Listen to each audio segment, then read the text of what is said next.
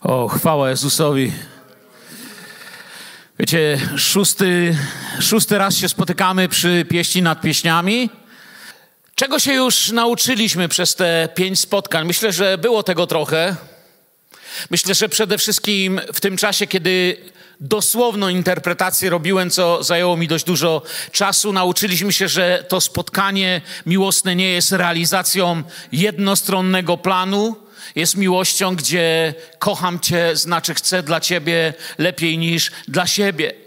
I wszystko, co nauczyliśmy się też, że wszystko, co piękne i pełne miłości, czeka na właściwy czas. Ukochany czeka na ukochaną, Kościół czeka na Jezusa, a dzisiaj chciałbym, abyśmy zobaczyli na pieśń nad pieśniami z perspektywy żydowskiej, z perspektywy judaizmu. Żydowska perspektywa pieśni nad pieśniami i Salomon chciałem tutaj jeszcze dodać, ponieważ również chciałem się przyjrzeć i autorowi.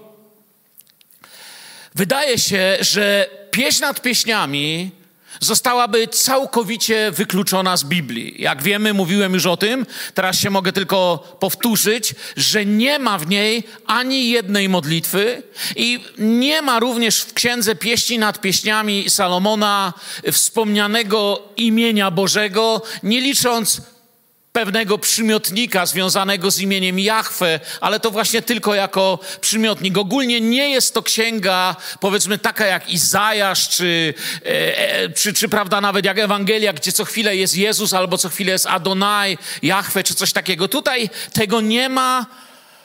Jak mówię i mówiłem przy wstępie, i nie chcę teraz już za dużo się powtarzać, nie byłoby jej w Biblii, i to, co chcę dzisiaj powiedzieć Wam ciekawego i nowego, to nie byłoby jej w Biblii, gdyby nie miała potężnego orędownika, człowieka, który twardo wierzył, że jest natchnioną, pełną Ducha Świętego, pełną Ducha Jahwe, jak on mówił, jest Słowem Bożym po prostu. Kiedy mędrcy żydowscy debatowali, które księgi powinny być włączone do pisma, czyli do kanonu. Tutaj mówimy o Starym Testamencie, czyli o Biblii żydowskiej, Tanach, czyli Tora, Nevim, Ketubim, Tora, pisma, procy. Kiedy debatowali na ten temat, mówi się, że Akiva Eger ben Moshe, jeden z największych żydowskich autorytetów, Największy rabin swojej epoki, to jest koniec pierwszego wieku, początek drugiego, powiedział takie niesamowite słowa. Cała wieczność nie jest tak wartościowa jak dzień, w którym pieśń nad pieśniami została dana Izraelowi. Ponieważ wszystkie księgi biblijne są święte, ale pieśń nad pieśniami jest święta świętych. W tradycji żydowskiej pieśń nad pieśniami jest alegorią o relacji i o wędrówce. Mówiłem ostatnio, co znaczy alegoria. Wszyscy pamiętają? Wszyscy wiedzą? Czyli, prawda, jest jakby, e, t- tak jak jest, nie wiem, przykład alegorią, że ktoś robi rzeźbę i mówi, oto wolność, nie? Statua wolności. Nikt nie mówi, że wolność ma dwie nogi, dwie ręce i trzyma pochodnie. Jest to pewnego rodzaju alegoria, tak? W tradycji żydowskiej ta właśnie pieśń jest alegorią o relacji, o wędrówce i miłości Boga i Jego ukochanego narodu Izraela. Tak właśnie to czytują Żydzi, choć widzą również oczywiście, czytają i to czytają w języku hebrajskim, czy wiecie, czy, czy, ja czasami się zastanawiam, czy oni widzą więcej, kiedy czytają. Chcę wam powiedzieć, każdy, kto się chociaż troszeczkę otarł język hebrajski, wie, że tak. Ponieważ interpretacja zawsze jest tylko tłumaczeniem tłumacza. Interpretacja to jest po prostu, albo inaczej, tłumaczenie jest interpretacją tłumacza, chciałem powiedzieć. Kiedy ktoś tłumaczy z hebrajskiego, no to musi chcąc, nie chcąc zinterpretować. Przepraszam, język mi się troszeczkę pomylił. Tutaj ta alegoryczna interpretacja sprawiła, że znalazła się właśnie ta księga w żydowskim kanonie dzięki, dzięki owemu rabinowi, który bardzo mocno to podkreślał i widział. Również Targum aramejski, Midrasz i wielu średniowiecznych komentatorów postrzegało księgę jako opis duchowego małżeństwa, duchowego przymierza między Bogiem a Izraelem po objawieniu i przyjęciu Tory na Synaju. Interpretacja alegoryczna znajduje się również w Talmudzie.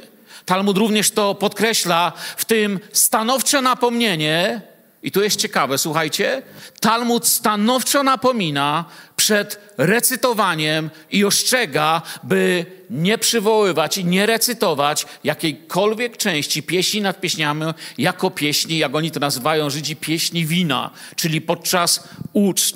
Innymi słowami, rabini nauczali, ten, kto recytuje werset pieśni nad pieśniami, i traktuje go jako powietrze, i ten, kto recytuje werset przy stole biesiadnym niestosownie, sprowadza zło na świat, ponieważ Tora przepasuje się worem i stoi przed świętym, niech będzie błogosławiony i lamentuje przed nim. A więc Żydzi uważali, że absolutnie nie jest to jakaś imprezowa księga, którą można sobie w czasie imprezy przeczytać i troszeczkę się pouśmiechać nad jakąś mm, tutaj domniemaną erotyką. Uważali, że bardzo jasno ta księga mówi o przymierzu narodu Bożego Izraela.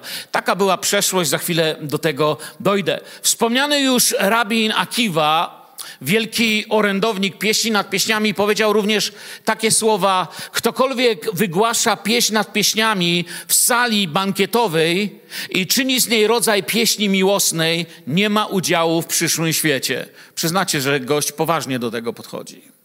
Czyli mówi nam, wiecie, że po pierwsze nam to mówi, że tak musiało się dziać. Po drugie, oznacza, że ktoś to robił i drażniło to, to, to owych uczonych w piśmie. Czy na pewno to było złe?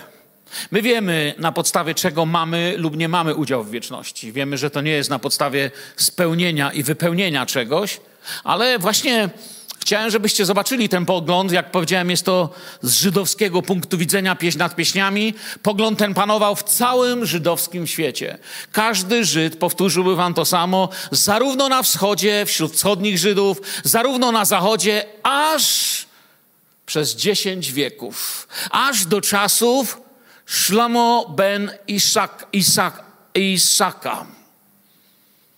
Do XI wieku. Rabina i jego zwolenników, którzy nauczali Słowa Bożego we Francji. I ów człowiek, łatwiej jego imię się wypowiada takim skrótem Rashi, nazywano go Rashi, to od akronimu od Rabbi Shlomo Isak. Wtedy się język nie plątał, nie dziwię się, że taki akronim zrobili. Zaczął on interpretować pieśń nad pieśniami w kontekście alegorycznym, ale po raz pierwszy w żydowskim świecie, również i w dosłownym. Mówił swoim uczniom takie słowa. Jedno Bóg powiedział, dwie rzeczy usłyszeliśmy. Jeden werset może mieć kilka znaczeń, ale ostatecznie dosłownego znaczenia nigdy nie można przeoczyć.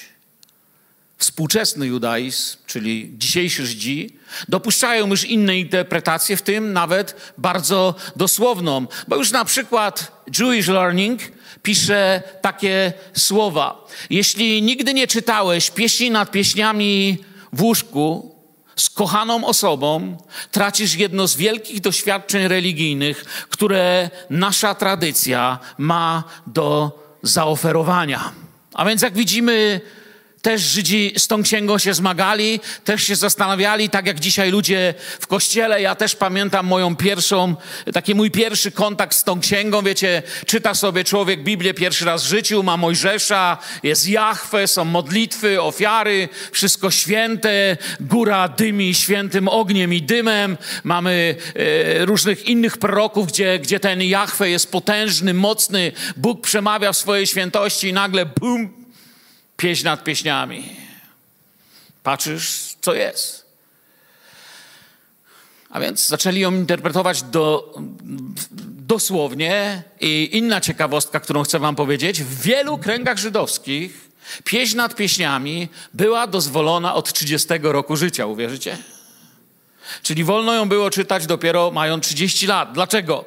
Dlatego, że Żydzi uważali, że mężczyzna był dojrzały emocjonalnie i naprawdę można go było nazwać facetem dopiero od 27 roku życia. Kobiety dojrzewały dużo wcześniej, a więc kobieta była odpowiedzialna, kiedy miała już 15 16 lat, czasem nawet wcześniej. Facet był odpowiedzialny, jak miał dopiero 27 lat. Jak widzicie, dzisiaj się to opóźniło dalej jeszcze i nadal jest aktualne. Czyli wszystko nadal tak, jak mówili Żydzi. Znowu okazało się, że mieli rację. Zwróćcie uwagę, w jakim wieku Pan Jezus wyszedł. Myślimy, że Pan Jezus nie potrafiłby sobie, nie wiem, poradzić mając 20 lat? On by sobie poradził. Ale w tym momencie żaden z Żydów by go nie słuchał. Mówiliby to jakiś... I tak mówili złe rzeczy, ale wtedy to by jakby rozbijało coś, do czego oni byli przyzwyczajeni. Uważa się, że pieśń nad pieśniami pochodzi z czasów młodości Salomona i opisuje jego prawdziwą, pierwszą miłość. Potem polityczne małżeństwa, konkubiny zrujnowały jego duchowe życie i świadectwo wiary.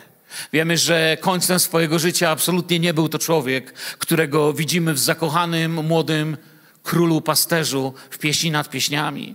Żydowska interpretacja jest inna niż wszystko, z czym, kochani, spotkaliśmy się do tej pory. Warto dać jej miejsce, bo jak pisał C.S. Lewis, Wierzymy, że Bóg wybrał ich na narzędzie swojego wcielenia, pisząc o Izraelu, o Żydach. Zaciągnęliśmy wobec Izraela dług niemożliwy do spłacenia.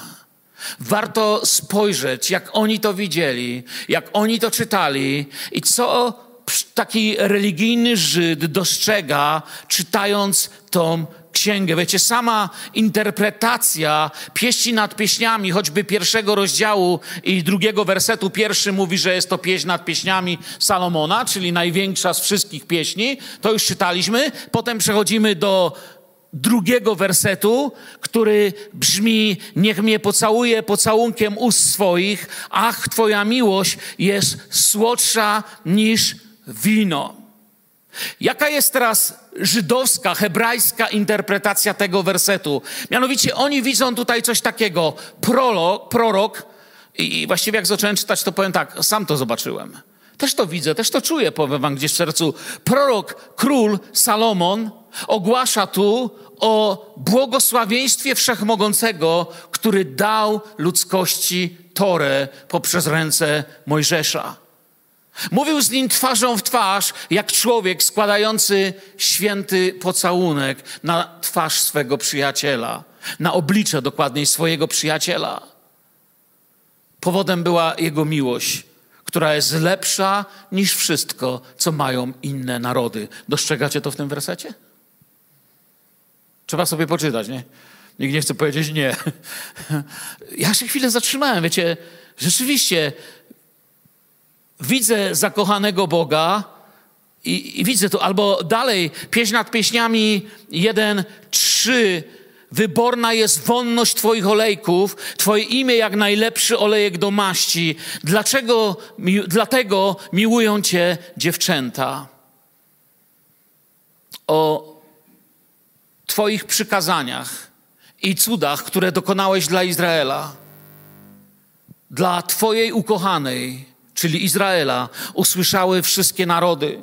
Rozeszła się opowieść o znakach Twojej dobroci. Twoje święte imię to woń lepsza niż najlepszy olejek, który wylewa się na głowę proroków i kapłanów. Dlatego sprawiedliwi z Twego narodu pokochali Cię i chcą chodzić Twoimi drogami. Wszechmocny woń Twojego olejku uczy nas, że nic nie dorówna Ci, nic Tobie wszechmocny na tym świecie nie dorówna. Ta woń uczy nas, jaki będzie cudowny świat, który nadejdzie. Widzicie to tam? Czujecie? Jaka interpretacja poetycka, jakie podejście do Słowa Bożego, w jaki sposób Albo jeszcze jeden ciekawy werset w takiej interpretacji. Wyobraźcie sobie teraz, że przeszlibyśmy całą księgę na pieśni nad pieśniami, interpretując ją właśnie taką nauką rabinów, takim ich sposobem odczytania. Pieśń nad pieśniami 1, 4. Pociągnij mnie za sobą, pobiegnijmy. Wprowadź mnie o królu do swych komnat, abyśmy mogli się radować i weselić Tobą, upajać się Twoją miłością bardziej niż winem. Słusznie Cię miłują. Oto naród Twój wyszedł z Egiptu. Szekinach, Twoja wszechmocna obecność szła, z Twoim narodem jako obok w dzień i słup ognia nocą. Nasze pokolenie sprawiedliwych wyznało Ci miłość. Pociągnij nas stąd, pociągnij nas za sobą, poprowadź nas do stóp góry, gdzie okażesz nam miłość przez swoją Torę. Tora jest ozdobą Twego niebiańskiego skarbca. Dwadzieścia dwie litery naszego alfabetu będą w niej naszą radością. Będziemy się upajać Twoim słowem bardziej niż bożkami obcych narodów. Kochać Cię to największa racja, jaką można mieć na świecie. Amen. Wow. Wow. Widzicie, to, to jest ich sposób spoglądania na tą księgę. To głębia przeżyć Salomona. I zacząłem zastanawiać się nad nim, jak stroną mądrości, uwielbiania i umiłowania prawdy dochodzi się do takiego miejsca, gdzie na koniec się znalazł. Czy miłość, o której pisał, całkowicie w nim umarła? Bo przecież słuchajcie, musimy być uczciwi. Czytając o życiu Salomona, chcielibyście go zobaczyć tym, kogo widzimy w pieśni nad pieśniami. Ale widzimy kogoś innego. Czy miłość, o której pisał, całkowicie w nim umarła? Czy, czy coś się w nim tliło? Wszystko wie tylko Bóg, co się działo w życiu Salomona. My możemy tylko trochę nad tym dzisiaj porozmyślać. Pamiętam pewnego pastora, który nauczał swój zbór takimi słowami, jeśli chodzi o miłość. Miał takie podejście do rozwodu. Pierwsza żona jest od Boga, mówił, druga od ludzi, trzecia od diabła. Potem, coś ciekawe, jego życiowa tragedia pomieszała mu ten porządek. Ja wcześniej mówiłem, że wierzę, że pieśń nad pieśniami jest dla was wszystkich. Nie jest dla tych, którzy mówią, wiesz, to dobrze, że jeszcze nic nie zdążyłem napsuć, bo większość z nas zdążyła. Ja przynajmniej zdążyłem, może nie w dziedzinie małżeństwa, ale jestem grzesznikiem zbawionym krwią Jezusa. Nie zamierzam grzebać w śmietniku przeszłości, odrzuconym jak wschód od zachodu słońca, ale zamierzam grzebać w Jego słowie zapowiadających świat, który nadchodzi. Przez krew Jezusa jestem zbawionym dzieckiem Bożym. Amen, tym jesteś? Amen. To jest to, Bóg nas nie zachęca, grzeb teraz w śmieciach i się zastanawiaj. Czy chcemy wiernie Bogu służyć całe życie? Myślę o tym tu w kontekście Salomona, tego, co się stało w jego życiu. Wiecie, myślę, że nie jesteśmy oszukani dopiero wtedy, gdy przestajemy wierzyć w miłość. Myślę, że to się dzieje wcześniej, że w jego życiu to się stało wcześniej. To znaczy, jesteśmy oszukani, nie wierząc w miłość, ale to, to, to nie jest początek oszustwa. Tragedia zaczyna się, kiedy uwierzymy, i nie wiem, czy tak się stało w jego życiu, ale widziałem, jak się to stało w życiu wielu ludzi, że modlitwa i praca, w jego wypadku bycie królem, bycie władcą, powołanie, które miał, że modlitwa i praca są sobie przeciwne. Chcę wam powiedzieć, w Bożym planie dla dziecka Bożego modlitwa i praca są sobie równe, nawzajem się przenikają. Słyszycie mnie? W życiu człowieka świeckiego kościół i praca, czyli modlitwa i praca są dwoma oddzielnymi rzeczami. Modlitwa jest rozmową z tym, który dał mi pracę, moje powołanie. Czy Salomon byłby kimś innym, gdyby nie został królem? Historycznie właściwie łatwo na to pytanie odpowiedzieć. Jeżeli będziecie czytać sobie pierwszą księgę królewską, to nie zdążycie dojść do trzeciego rozdziału, a już będziecie wiedzieć, że gdyby nie został królem, to prawdopodobnie by w ogóle nie przeżył. Bo takie były czasy kiedyś. Modlitwa i praca nie są sobie przeciwne. Modlitwa i powołanie nie są sobie przeciwne. Modlitwa i to, co robię, nie mogą być sobie przeciwne. Nie mogą być powodem do zerwania z nim rozmowy. Pieśń uczy nas tutaj, pieśń nad pieśniami, nie tylko tego, co jest tu, tym piękne, ale tego, co jest ważne. Bo wspominając te wszystkie rzeczy, jaka Ty jesteś piękna, jaki Ty jesteś wspaniały, mówi nam, co musimy w sobie zachować, co Bóg ciągle widzi w nas i co my nie możemy przestać widzieć w Bogu. Miłość chroni. Taka jest miłość pieśni nad pieśniami. Otacza, przebacza, opiekuje się i czeka. Miłość się nie rozgląda za kimś innym, bo ten zawalił. Oblubienica, jak już mówiłem ostatnio, mówiąc o Chrystusie i Kościele, oblubienica pragnie się podobać tylko oblubieńcowi. Tylko nierządnica pragnie się podobać każdemu. I co się stało z Salomonem? Co się stało z Suamitką? Co się stało w sercu króla? Gdzie się pogubił? Co czuł Bóg, kiedy na niego spoglądał? Wiecie, zdradzona miłość to coś strasznego. Zawsze, kiedy jeden człowiek kocha, a drugi go odrzuci, to nawet w wypadku ludzi jest to straszne.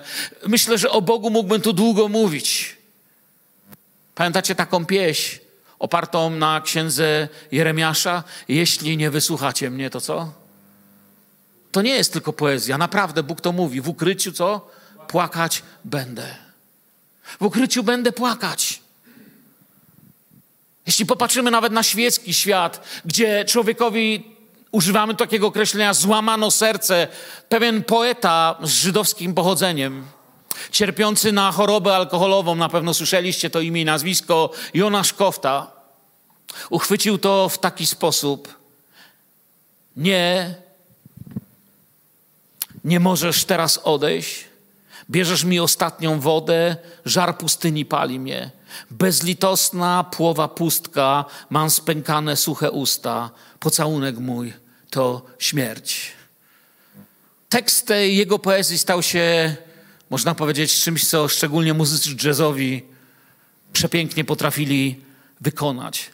Ale ja dziś nie mówię o jazzie, mówię dzisiaj o sercu człowieka, w którym miłość okazała się czymś, co, co, co spowodowało ból. Zastanawiam się też, czemu Bóg mówi, jeśli nie usłuchacie mnie, w ukryciu płakać będę. Jakie to inne od tego, co mamy w pieśni nad pieśniami, kiedy miłość jest czysta, kiedy się sobą wzajemnie raduje.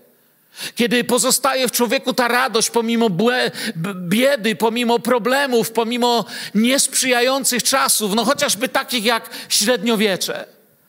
Pewien średniowieczny poeta, który stał się popularny za sprawą C.S. Lewisa, bo właściwie stałby się zapomniany, gdyby nie C.S. Lewis, John, John Gower pisze o miłości w taki sposób. Lata mijają, płyną dnie, a serca coraz mniej i mniej. I co postanawia? Co mi tam worki pełne w skrzyni, starczy mi całus jej jedyny. A my myślimy, jaki naiwny średniowieczny poeta. Niebiosa wiedzą, co się stanie. My pod księżyca panowaniem mieszkamy na niepewnej ziemi. No właśnie. Zaniedbana miłość zamienia się w adorację siebie w płacz nad sobą. Zaniedbana miłość prowadzi do bolesnych przeżyć i wspomnień w życiu człowieka. Zaniedbanie Boga zamienia się w ubóstwianie siebie.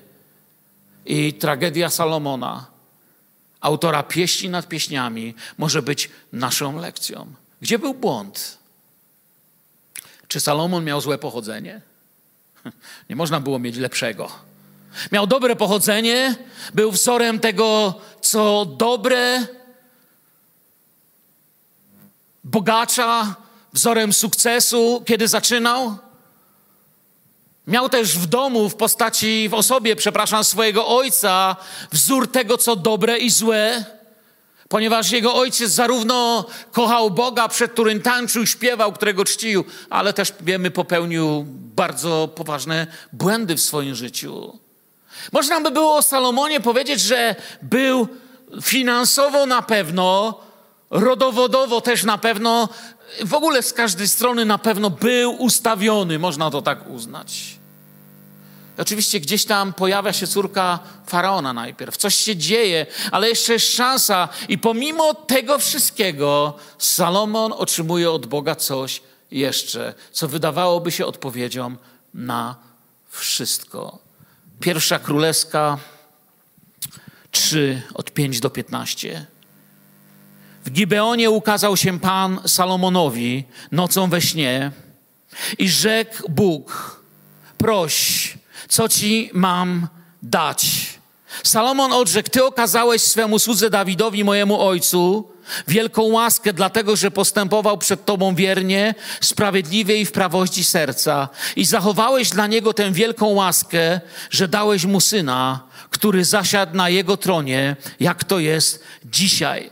Teraz Ty, Panie Boże mój, Ty ustanowiłeś królem Twego sługę w miejsce Dawida, mojego ojca, ja zaś jestem jeszcze bardzo młody i nie wiem, jak należy postępować.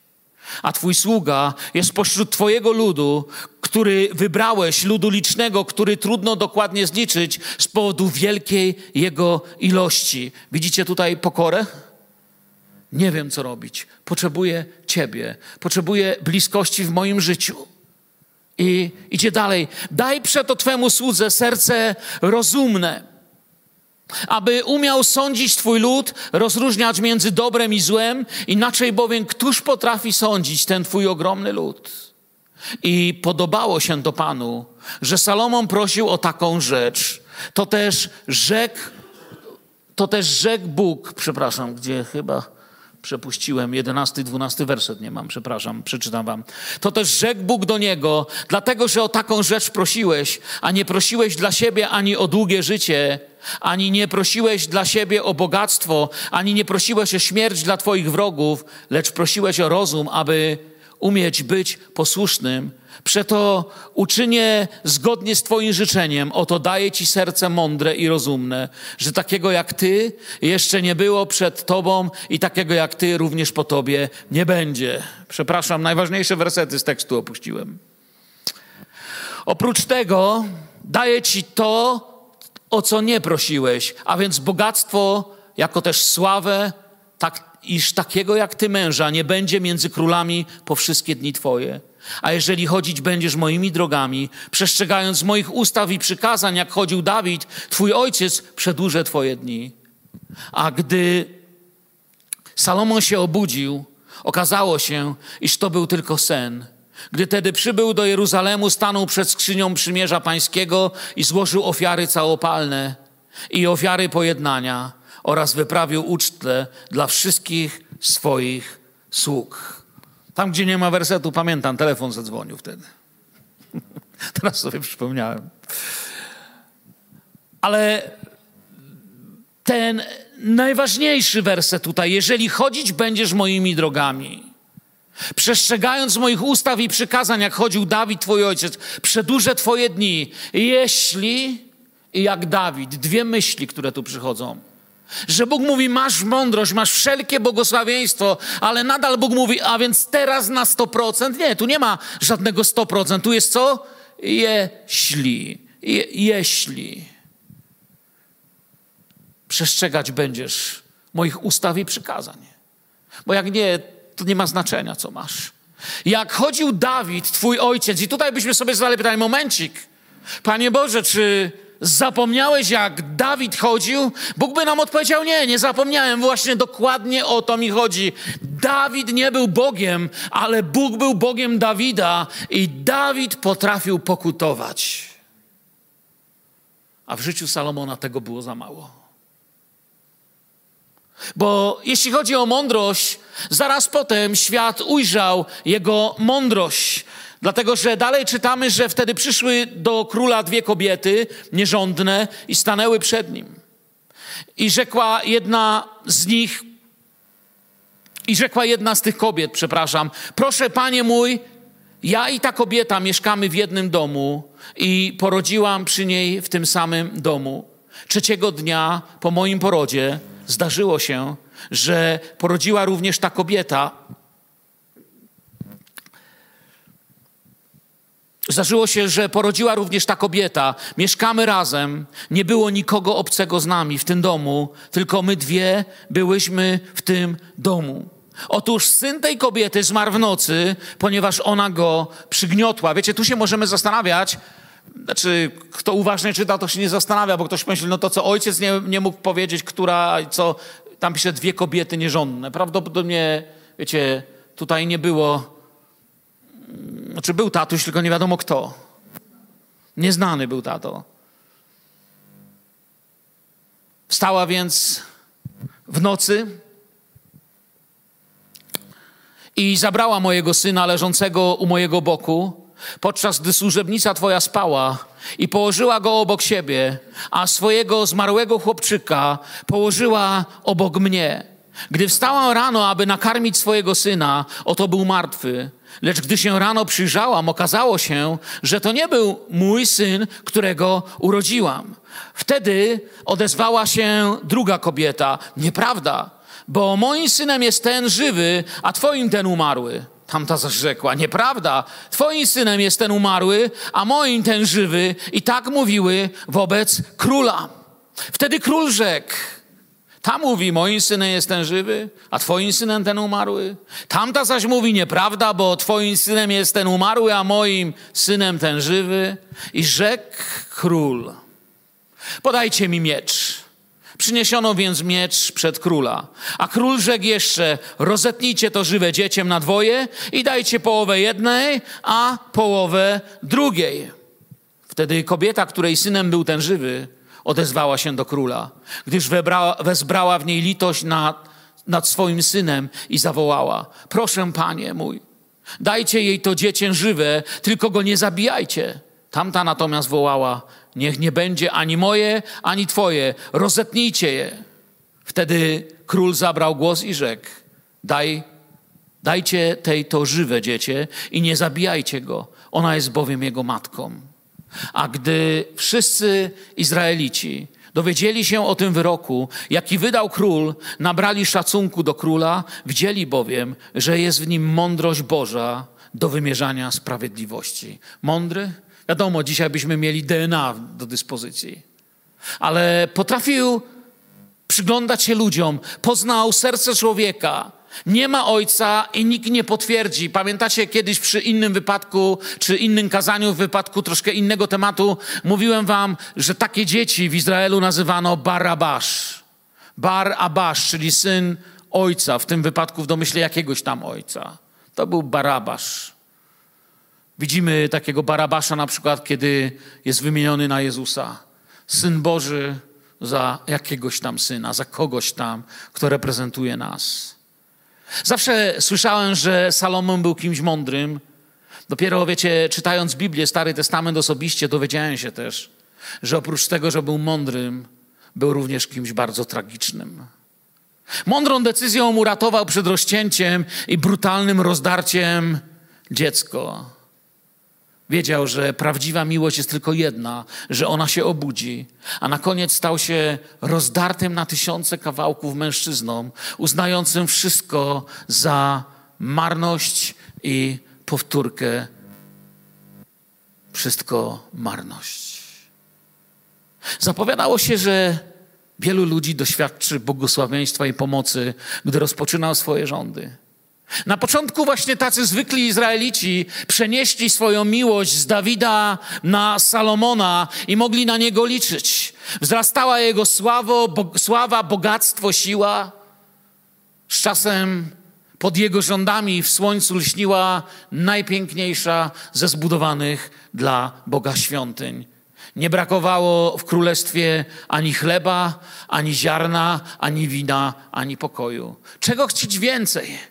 Ludzie spokojnie żyli w swoich domach i żaden wróg im nie zagrażał. Nikt nie uwierzyłby, że można by, że, że naród mógłby w kajdanach iść do niewoli, że sklepy mogłyby być puste, że może braknąć kiedyś oliwy, że może braknąć chleba, że może być jakieś wygnanie. Kamienne bloki,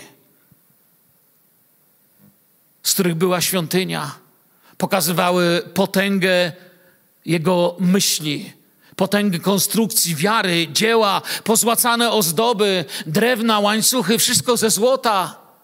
Ten budynek mówił, kto jest dla niego najważniejszy i w czyim imieniu przemawia król prorok. Zawsze, kiedy czytam potem dalej w Biblię, bo wszyscy, którzy przeczytaliście chociaż raz słowo, wiecie, co się działo potem. Potem to królestwo idzie coraz bardziej w dół. Pewnego dnia wrogowie wejdą do tej świątyni. Pewnego dnia ją rozbiją, będą rabować. Zawsze, gdy patrzę, jak później obdzierano świątynię ze złota i skarbów, aż mi żal. Bo taką samą świątynią my jesteśmy. Zanim diabeł doprowadzi człowieka do ruiny, chce go obedzeć wszystkiego, co w życiu człowieka cenne. Pamiętam, jak nieraz rozmawiałem z więźniami, których odwiedzałem w więzieniu, jeszcze jako kapelan. I wielu z nich po prostu, wiecie, ich życiorys, to co za sobą mieli, to można jednym słowem określić. Jedna wielka pustynia. Ani żony, ani dzieci, ani wspomnień, ani niczego. Nie wiedzieli, gdzie jest ich dziecko, gdzie jest ich syn, gdzie córka, gdzie żona. Nie widzieli, jak zaczynało chodzić, nie widzieli, jak szło do szkoły, nie widzieli niczego. Dzieci, wielu z nich były w domach dziecka. Miałem jednego z nich, który się nawrócił i znalazł nie tylko swoją żonę, kiedyś wam o nim opowiadałem, znalazł również swoją córkę. Znalazł córkę w przydrożnym zajeździe, w agencji towarzyskiej. Tam pracowała, tam jej głosił Ewangelię. Jego życie było pustynią, którą Bóg na nowo nawodnił i na nowo pozbierał. Ale w czasach Salomona lśniło złoto. Powodzenie, mądrość i bogactwo mogą być wspaniałym Bożym darem. Ale gdy jednej rzeczy braknie, a ponad to wszystko przyobleczcie się w co? Miłość, która jest czym? Spójnią doskonałości. To, co trzyma nasze domy, to, co trzyma nas zbór, to jest co? Miłość. Tym się Kościół różni od wszelkiej firmy, od wszelkiej organizacji nas nie trzymają jakieś wspólne składki. Nas nie trzyma to, że musicie tu być, bo ja wam dam, jak was nie będzie. A co ja wam mogę dać? Ja was mogę tylko kochać. A wy, wy też możecie mnie tylko kochać. Jesteśmy tutaj, bo trzyma nas miłość. Miłość, im większa jest, tym bardziej spójnią. To miłość sprawia, że coś jest doskonałe. Gdziekolwiek usunie się miłość, usuwa się też to, co trzyma to razem. Bóg jest miłością. Usuńcie Boga z życia naszych dzieci, usuńcie Boga ze szkoły, z ulicy, z nauczania, usuńcie Boga z czegokolwiek, a to się zacznie rozpadać i zacznie się dziać coraz gorzej. Dzisiaj już są takie kraje Europy, Ameryki, w których jeszcze niedawno było bogactwo, do których jeździliśmy pracować, bo mieli wszystko. Kraje w czasach, kiedy u nas nie można było kupić gumowców, kiedy stało się w kolejce po kawałek kiełbasy, przeglądaliśmy, ja pamiętam jako dziecko, przeglądałem kolorowe katalogi z niektórych ziem, które dzisiaj zaczynają powoli rozlatywać się, zaczynają mieć coraz trudniej. Wiecie dlaczego? Usunęli Boga. A Bóg jest miłością, a miłość jest spójnią czego? Doskonałości. Bóg trzyma wszystko razem. Jeżeli by Boga usunąć z wszechświata, wszechświat popadłby w chaos, zacząłby się rozlatywać. Ktoś powie, wiesz, to się samo zrobiło. Nic się samo nie zrobiło. Planety krążą po swoich orbitach z potężnymi szybkościami i się nie zderzają. Słońce wschodzi i zachodzi. Miliony kilometrów wszechświata, wszystko działa jak szwajcarski zegarek. Ale kiedy przybliżysz się pod mikroskopem, to po tej planecie, ustawionej idealnie, żeby nie było za zimno ani za gorąco, pomiędzy Słońcem i pustką kosmosu, pod mikroskopem wejrzysz w każdą komórkę ciała, krew, niesie tlen i składniki odżywcze aż do końców Twoich palców. Twoje oczy przetwarzają obraz i patrzysz na mnie. Widzicie mnie czy nie? A ja Was widzę. Widzicie światło? Widzicie kolory?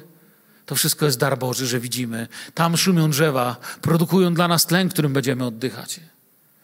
Z gór płyną rzeki do morza, po niebie płyną chmury. To się samo nie zrobiło. Gdyby zabrać z tego Boga, byłby chaos. Jeśli zabierzesz Boga życia, będzie chaos. Gdziekolwiek usuwa się miłość, tam jest chaos. Zagrożenie nie pochodzi z Bożego błogosławieństwa, ale ukrywa się dużo głębiej. Gdy najważniejsza jest miłość, to świątynia jest pełna Bożej obecności i żyjemy, bo wy, Kościele, jesteście świątynią. Oni mieli świątynię. Pewnego dnia pośród spotkań, audiencji, splendoru i zabaw coś zaczęło ulegać korozji. Jeszcze ciągle był chleb na straganach. Jeszcze ciągle wartownicy na murach nie trąbili, że zbliżają się obce wojska. Jeszcze ciągle, gdyby im wtedy ktoś powiedział, że poprowadzą nasz naród w kajdanach do niewoli, zostałby wyśmiany. Ale kartki z kalendarza się zmieniały. To było jak rdza na samochodzie. Najpierw jest malutka, ruda plama, a potem się to poszerza. Społeczność nie wynikała świątyni powoli, ale świątynia zaczęła wynikać ze społeczności, stało się na odwrót. Świątynia tam stała, stała się ważniejsza i, i była przyczyną tego, żeby nie zapomnieć o Bogu, ale zapomniano po co tam stoi i kto naprawdę za tym stoi. Ktoś go kochał, nawet gdyby był pasterzem, a on chciał być kochany jako król. Oto miejsce Salomona w tym momencie historii. Ona widziała w nim pasterza, zobaczyła w nim króla w pieśni nad pieśniami. Teraz jest królem, świątynia lśni złotem, teraz ma żonę, która jest córką faraona, teraz ma coraz więcej żon. Nie wiem, gdzie w tym czasie jest ona, ale wiem, że w jego kraju praca i powołanie zaczynają się ze sobą zderzać. Ludzie popadli w niewolniczy pracoholizm, praca stała się najważniejsza, bogactwo zaczęło się karmić wysiłkiem Izraela, zaczęto kochać pieniądze zamiast kochać ludzi, zaczęto używać ludzi i kochać rzeczy zamiast kochać ludzi i używać rzeczy. Bóg, Bóg przestał być na pierwszym miejscu. Nie był już tym jedynym, a ona nie była tą jedynią. Był w świątyniach, które one miały. Jedna, druga, trzecia, czwarta aż do zawrotnych liczb kochanek i nałożnic, każda ciągnąc do swojego Boga, zabierała mu wizję, coś się w nim rozkładało. Psal 51, który z rozdartym sercem napisał jego tata, już dawno nie był czytany. Myślę, że ten zwój w domu Salomona był zakurzony, tak jak niektóre Biblie w naszych domach. Zmiłuj się nade mną, Boże. Pamiętacie? Stwórz serce czyste we mnie.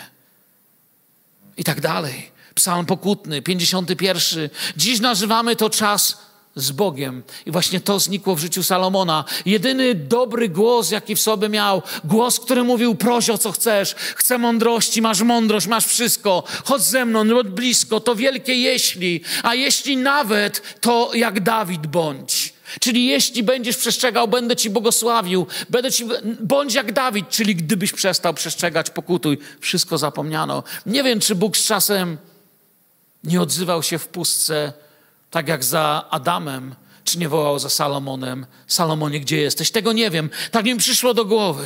Czekał, prosił, wołał, dawał kolejną szansę. Wiemy, że Salomon otrzymał jedną szansę, drugą szansę, jedno napomnienie, drugie napomnienie. Poczytajcie o nim. Mimo to Bóg ciągle na niego czekał, ale nad Izraelem zbierały się czarne chmury.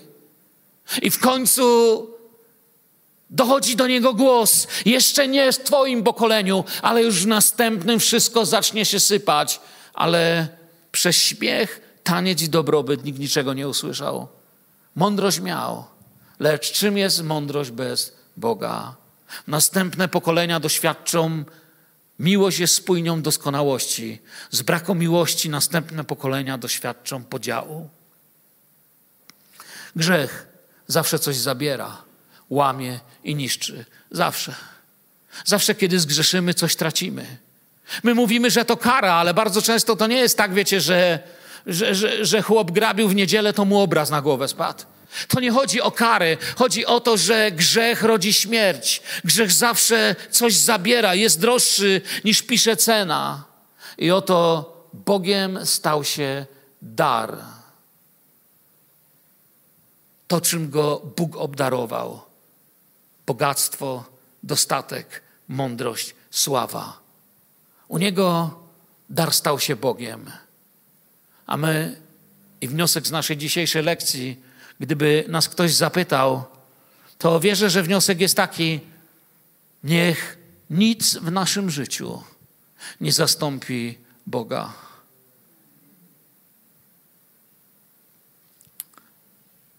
Niech nic w naszym życiu nie zastąpi naszego czasu z Bogiem. Niech nic w naszym życiu nie zastąpi Jego słowa. Czytajcie Biblię. Codziennie czytajcie Biblię. Włóżcie ją w siebie. Niech mówi w waszych myślach i w waszych sercach. Czytajcie Słowo Boże, bo można je czytać. Jest w telefonie, jest w książkach. Czytajcie Słowo Boże, napełnicie się. Niech nikt wam, nikt wam nie zabierze. Pamiętaj, jakikolwiek będzie Twój upadek, jakkolwiek się będzie nazywał grzech, który być może możesz upaść, to początkiem zawsze będzie zaprzestanie trwania w Słowie Bożym. Nigdy nie spotkałem innego upadku w życiu człowieka, ale zawsze, gdy przychodził do mnie ktoś, kto potrzebował pozbierać z powrotem swoje rozbite życie, to dochodziliśmy do tego, że gdzieś w którymś miejscu nie powiedział w któryś dzień Panu Bogu dzień dobry i nie powiedział Panu Bogu do widzenia. A potem, potem już poszło. Niech nic nie będzie ważniejsze niż nasz Pan. Amen. Panie, dziękujemy Tobie, że Twoje słowo niesie taką mądrość, że Twoje słowo niesie ostrzeżenie dla naszego życia. Dziękujemy Tobie za pieśń nad pieśniami. Dziękujemy Tobie, że w tej pieśni oglądamy, jak doskonała jest miłość, jak przybliża, jak przyciąga. Panie, proszę Cię, włóż w moje serce taką miłość, abym kochał tych, których Ty kochasz. Przepraszam Cię za każdą chwilę, gdy Cię zawodzę. Przepraszamy Cię, Panie, za wszystkie nasze niedoskonałości, bo kochamy Cię i chcemy Tobie się podobać. Włóż Twoje słowo głęboko w nasze serce. Amen.